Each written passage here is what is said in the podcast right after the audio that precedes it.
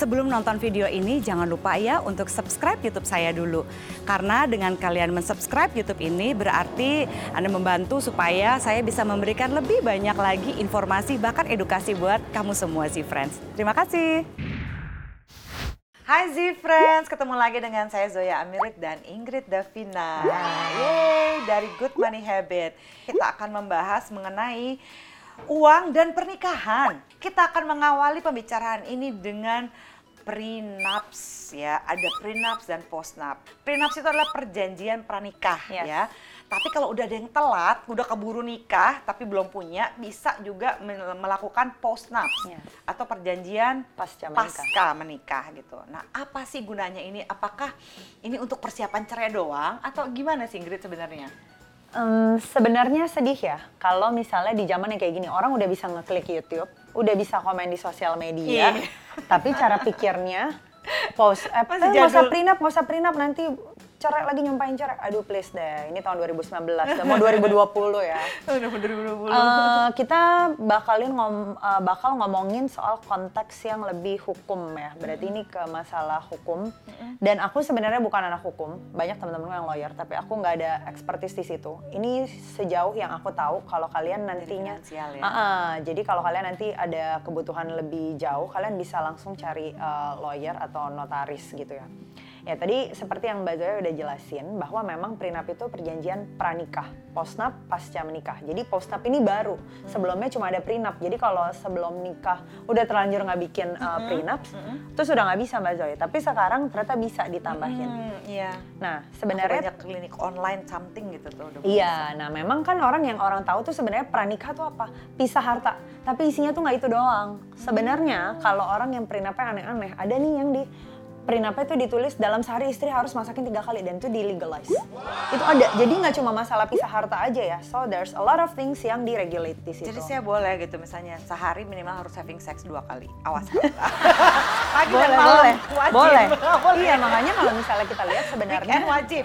bisa tebel banget loh Mbak Zoe dan aneh-aneh dan aneh-aneh banget nah biasanya kalau yang uh, merit itu antara yang misalnya nih cowoknya kayak dominan banget atau apa di luar negeri ya misalnya konglomerat atau ya ada beberapa artis apa Hollywood selebritis gitu dia pasti minta baik banget dan aneh-aneh dari masalah. Masakin ya itu ngasuh anak berapa hari saja mesti kontak sama anaknya harus in touch baru lu boleh pergi belanja. Itu semua diatur. Nah, Iya, soalnya kalau enggak kayak misalnya kalau zaman sekarang tuh yang agak lebih susah kan karena orang-orang itu yang kayak, hmm, apalagi kalau udah pernah gagal, ya nggak usah lah gagal menikah, Eh, gagal dalam relationship makin banyak biasanya ya ketakutan-ketakutannya psikologis banget gitu yang, oh eh, aku harusnya begini, aku maunya begini gitu, itu yang mempengaruhi kali ya jadi prenupsnya jadi lebih drama. Atau mungkin gimana? mungkin ya atau Eh, jangan orangnya sampai juga sih. prenup isinya ketakutan-ketakutan ya sih friends ya. Iya, nah, jadi sebenarnya gini, aku mau tekankan bahwa prenups dan postnup itu memang seperti yang paling eh, dominan dibaca orang pasti nanti itu perjanjian pisah harta. Nah, memang tujuannya adalah kalau kita nggak pakai prenups, nggak pakai perjanjian pranikah, suami sama istri akan dihitung satu entity, dihitung satu apa ya, satu kesatuan.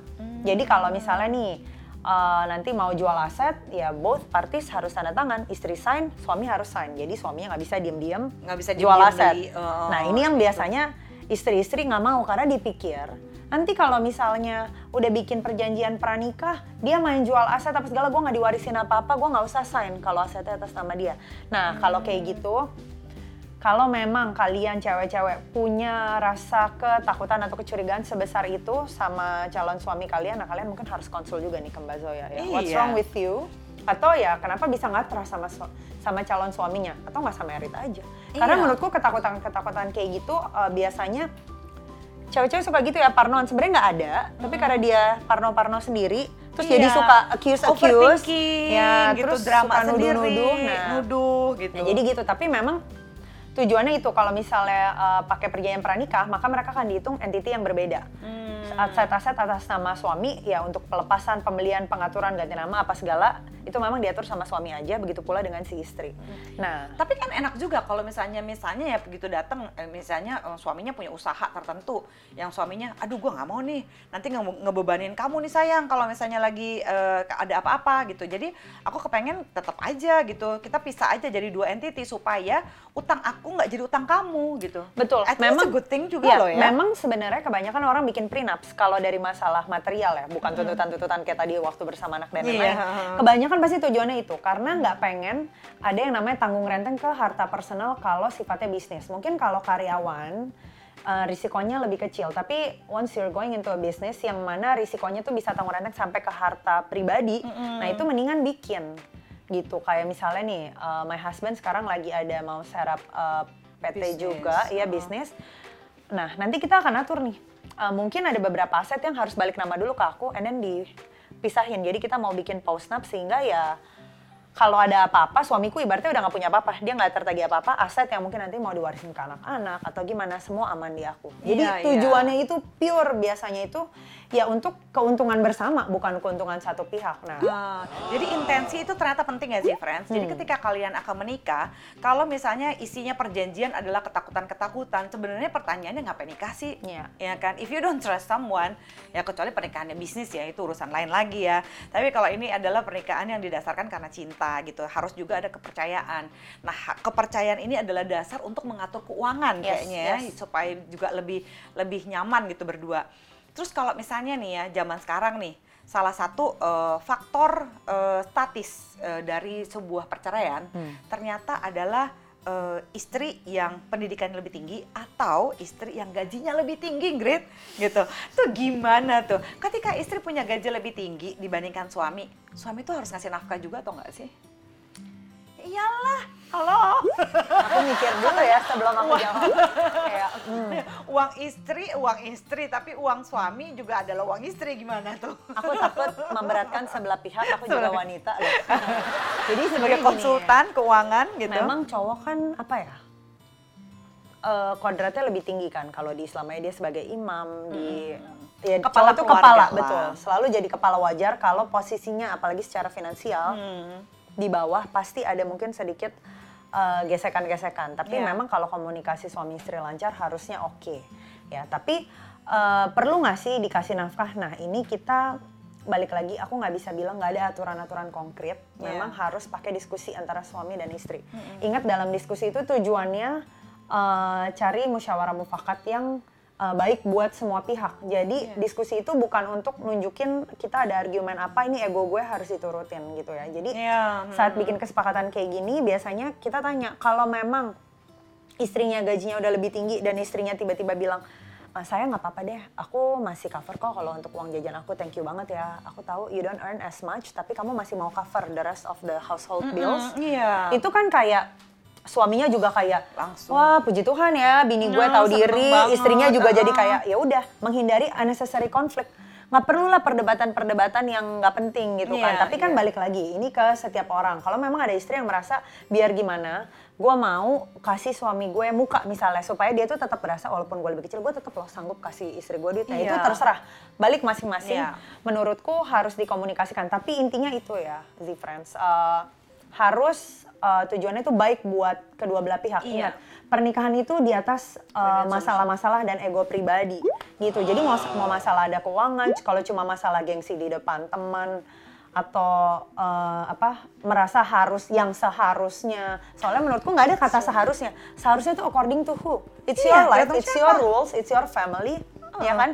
Kalian harus eh, jalanin seperti as you see fit Yes, gitu yang iya. cocok aja gimana Kayak misalnya kalian misalnya waktu sebelum menikah ya, kamu adalah orang yang di rumah itu mm, biasanya yang ngatur keuangan ayahnya gitu. Kamu menikah dengan perempuan yang biasa ngatur keuangan tuh ibunya, itu pasti konflik tuh. oh iya Akan benar ada perebutan kekuasaan dan Benar. sebagainya. Nah intinya harusnya siapa dong ngikutin keluarga laki apa keluarga perempuan? Ikutin keluarga kalian dong. Betul. Kan itu keluarga baru. Bikin perjanjian. Bener, diskusi Gitu, lagi kira-kira siapa nih kayak waktu itu kita ngobrol-ngobrol ya Mbak Zoe ya. Satu harus kalau yang satu gas, yang satu harus ngerem. Pokoknya biasanya Oh iya. Hakik pada hakikatnya nggak harus selalu cewek. Jangan bilang oh biasanya kan cewek karena cewek tuh image-nya ibu rumah tangga yang udah biasa repot Hmm. ngurusin perintilan. Nggak juga. Termasuk perempuan yang kata lu ini mau uang ya. Iya benar. Aku personally, iya benar benar di di in my family yang pegang keuangan yang menteri keuangan justru my husband. Kenapa? Karena I know myself. Aku tuh royal banget. Aku nggak tahan nih eh, sering kalau orang tiba-tiba ada pinjam duit atau lihat orang kesian duit gue bisa habis keluar Iya. gitu ya. Nah kita masing-masing harus sadar diri siapa yang lebih bisa ngerem gitu. Iya. Tapi ingat ya yang tadi Mbak Zoe sempat ngomong ngerem tuh bukan pelit.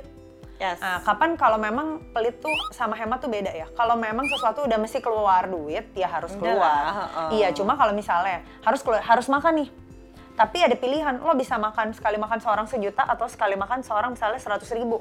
Nah itu hemat tuh menurut aku. Tapi Iya, kalau iya. misalnya eh, pelit tuh kayak misalnya apa ya? Bayar BPJS deh. Saya nggak duitnya, itu mah bukan hemat cuy, itu pelit pelit banget ya. BPJS BPJS, murah ya. ya Aku, aku, aku kesian ya, BPJS tuh harus ditolong. Please bayar preminya. Nah jadi kita lihat masalah ngontrol keuangan jadi menteri keuangan tuh bukan cuma ngerem. Pokoknya duit nggak boleh keluar sama sekali. Itu salah kaprah banget. Iya, nggak selaku mem- itu. bener kalau memang masih keluar ya keluar gitu. Tapi ya balik lagi lihat eh, benar kata mbak Zoya lihat budaya. Dulu gue di keluarga gue gimana? Di keluarga suami gimana ya sekarang kalian ada keluarga baru ya discuss. Masing-masing kan saling tahu personality-nya gimana. Yang lebih bisa yang lebih telaten yang lebih aware yang lebih nggak BM nggak banyak Mm, mau yang aja yang banyak jadi menteri keuangan. Terus kalau misalnya kayak ada problem kayak gini, Grit, eh, kadang kan ada beberapa keluarga gitu ya, eh, sering denger nih laki-laki ngeluh gitu ya, misalnya gini, aduh gitu, bukannya nggak mau nolong sih, tapi nih pas lagi eh, misalnya mertua lagi sakit gitu ya, eh, orang tua lagi sakit dan segala macam, kok tiba-tiba hmm, istri minta duit sih ke saya gitu misalnya gitu, Hmm. atau enggak misalnya eh, kalau uang sekolah anak segala macam udah deh nggak usah dibahas ya, tapi giliran ada keluarga dari pasangan yang eh, lagi sakit atau apa segala macam kayak ada asumsi bahwa loh ya sebagai suami kamu harus wajib bantuin dong. Tapi yang biasanya nggak problem ya itu adalah suami-suami yang nawarin diri. Nah ketika suaminya nggak nawarin diri mungkin karena dia masih punya pemikiran lain terus diminta sama istrinya itu kok jadi nggak enak hati. Itu kayak gimana ya Grit? Sebenarnya etikanya sih dalam keuangan sih kayak gini-gini Sebenarnya menurutku eh, bukan masalah etika ya Mbak Zoe, kayak masalah komunikasi yang balik lagi tadi. Ujung-ujungnya kan gini, kita kan nggak mau karena satu masalah, and then pernikahan kita komunikasi jadi rusak, jadi berantem kan. Iya. Ya jadi ngomongin aja, maksudnya ya misalnya nih, misalnya Mbak Zoe, misalnya suaminya aku, yang misalnya keluargaku ada yang butuh, aku bilang, "Eh, sayang, aku tahu nih aku mau ngomong gini nggak enak. Cuma aku kayaknya lagi nggak ada jalan lain. Boleh nggak kamu bantu mamaku dulu? Menurutku itu masalah penyampaian ya. Penyampaian assertiveness. Lagi bener aku selalu ya. pakai win-win eh, solution lah. aku selalu pakai analogi gini. Kita tahu nih ada cake coklat enak banget. Kita mau suapin pasangan kita. Kita mau kasih pasangan kita makan gitu. Kalau kita suapin dia pasti bilang enak kalau kita lempar mau tuh kue coklat enak nih makan nih gitu kan juga nggak enak That's a very good Iya. one. Ya, jadi maksudnya cara cara, sampai ini ya, cara ya. mintanya. Karena aku yakin kalau suami kita orang benar, orang baik dan sayang sama kita. Once you get married, itu bukan mertua, it's your parents juga. Iya, kan? Udah pasti jadi akan satu. dibantu lah. ya. Bener, kalau suami Cuma kita mungkin oke ya bener. pasti mau. Jadi juga. cewek, eh, jadi bagi para istri gitu ya, jangan take it for granted juga sama Betul, suaminya. betul. Kayaknya, ya kan kamu yang cari duit, kan gini-gini udah kamu kalau orang tua sakit ya kamu harus biayain dong. mintanya baik-baik, hormatin baik-baik. dong, Karena gitu. bagaimanapun juga kita nggak jangan nih kalau misalnya kita nggak bisa ngehargain suami kita ya jangan nikahin lah. Iya kan? Benar, benar. Kan intinya eh, kalau kena, kita bukan cuma cukup cinta ya, tapi sebenarnya laki-laki kan butuh respect dari dari perempuannya gitu, Betul. pasangannya. Aku ngelihatnya gini sih, memang banyak sorry ya, memang banyak cewek-cewek tuh yang kadang eh, suka take their husband for granted. Suami tuh udah kayak mesin duit ya. Ya justru karena Iya. dia udah kerja keras, lu udah nggak ngapa-ngapain, cuma urus anak, ya bisa dong kasih dia respect ngomong lebih pelan-pelan gitu kan. Iya. Karena I see things like this happen a Tapi lot. ini with all due respect ya, saya nggak mau dinyinyirin ya. Maksudnya begini, ah cuma ngurus anak, belum tahu sih lo tinggal di rumah ngurus Iya, anak. benar, benar, Bukan benar, gitu benar, ya, benar. Zifren. Tapi artinya gini, eh, ada peran masing-masing gitu. Ketika eh, Anda tinggal di rumah, pasti Anda juga punya kegiatan. Nggak mungkin biasanya yang namanya ibu rumah tangga suka lebih sibuk daripada wanita bekerja. Saya tahu tuh gitu hebohnya kayak apa. Tapi intinya adalah gini, eh, kan nggak ada salahnya kalau be kind to each other. Betul. Dan Ya. ini kan berlaku Karena pernikahan ini lebih tinggi dibandingkan apa yang lainnya ya kebahagiaan Iya, rumah tangga mau- ini lebih penting Iya. dibandingkan Aku kadang Cara suka sih. mikir gini sih, ini yang aku uh, belajari dari beberapa bimbingan pernikahan karena aku juga nggak mau aku ada salah ngomong, ya aku lihat gini sebenarnya. Lu jangan suka injek-injek suami lu, jangan suka injek-injek istri lu, jangan anggap dia cuma bisa ngurus anak. Itu kan pilihan lu, bener nggak? Exactly. You are apa ya merendahkan diri sendiri dong. Kalau kalian rendahkan pilihan kalian sendiri itu kan pasangan hidupan kalian yang pilih, nggak ada yang paksa kan sebenarnya. Jadi memang itu berlaku dua arah. Suami jangan apa istri jangan bilang lu kan nggak apa eh, lu kan cuma cari duit, gua ngurus anak suami juga jangan bilang lu kan cuma ngurus anak gue yang cari duit. Iya, nggak ada boleh, cuma boleh. Jangan begitu saling ya, menyerang fair. lah. Hmm. Benar kekalahan istri, kekalahan suami, kekalahan suami, kekalahan istri. Kan you guys Because you're a to team. become one, ya, yeah, you're a team. Agree. gitu. Jadi bagaimana caranya mengatur keuangan as a team gitu? Karena kalau misalnya ada kehilangan di satu sisi, pasti juga adalah kehilangan berdua gitu ya. Jadi gimana mensikapi ini? Dan yang paling penting adalah mungkin assertiveness ya. Assertive, assertiveness ini sekali lagi adalah win-win solution gitu ya. You win, I win dan selalu gunakan I language dalam Betul. eh, mengkomunikasikan sesuatu. Saya merasa terbebani sekali dengan gini. Kamu bisa nggak tolong saya? Kalaupun bisa, berapa yang bisa kamu tolong? Jangan berasumsi bahwa ya kan dia laki gue ya, dia harus dong bantuin gue. Betul. Nah ini nih biasanya jadi problem. Nanti kalau pergi ke Ingrid marah-marah, terus gitu berantemnya urusan keluarga, ntar dilempar ke saya lagi, itu ke saya terus Iya, saya benar lempar loh. lagi ke Ingrid gitu ya. Benar loh, most of the time eh, klien yang datang ke aku itu ada yang masalah keuangannya cuma karena disebabkan komunikasi suami istri nggak lancar. Ingat nggak? Ah. Cerita salah satu case yang hutang kartu kreditnya banyak banget. Begitu ditanya, begitu nyampe ke aku, begitu curhat, Mbak Ingrid ini ternyata ujung-ujungnya si istri ini cuma keki doang, suaminya ada beli barang pakai kartu kredit, lupa bilang begitu si istri bayar, dia bukannya confirm ke suaminya itu beli apa atau apa, tapi langsung ngomong, gila ya kayak gini ya laki gue ya, nggak bilang ke gue kalau mau keluar duit, dibalas langsung dia juga belanja, kan kacau kan maksud aku, cuy ngomong aja gitu loh, lu seranjang, lu pulang juga ketemu, kenapa lu nggak ngobrol? Aku merasa memang banyak uang ini tuh menurutku cuma uh, akibat ya. Ini symptoms yang kelihatan sebenarnya. Balik lagi makanya aku kalau ada masalah keuangan sampai ribut di belakang, eh apa di depanku lagi pas kon apa konsult aku suka bilang eh, eh pergi ke marriage counselor dulu deh gua this is not my Jangan ribut di sini. iya benar jangan ribut di sini gitu Gitu. So, Z-Friends, terima kasih sudah menyimak. Jadi buat bagi para Z-Friends yang sudah menikah, sekali lagi jangan lupa bahwa kebahagiaan pernikahan Anda itu ada di atas komplikasi-komplikasi ini ya. Jadi eh, act as a team ya, Anda harus kompak berdua karena pengeluaran eh, plus minusnya dari eh, keuangan atau misalnya pernikahan ini ini adalah plus dan minus dari Anda berdua, bukan salah satu orang aja. Jadi jangan balas-balesan seperti kata Ingrid tadi, eh, walaupun yang namanya seks dan eh, keuangan ini adalah hal yang sulit justru karena sulit, yuk hadapin dengan penuh cinta. Jadi Yes. awal-awal dikomunikasikan, aku tuh ekspektasinya kayak gini sayang. Kalau nggak ketemu ekspektasinya, baiknya kita gimana ya gitu ya. betul, betul. Act as a team. So thank you so much Ingrid. You're welcome, Yeay. Jadi kalau misalnya yang masih mau kepoin lagi tentang finansial and so on and so forth, boleh ke Instagramnya Good Money Habit atau boleh gangguin Ingrid Davina. Nanti ada di sini ya Instagramnya silahkan dibaca. So thank you so much, friends. Sampai ketemu lagi di episode berikutnya. Bye.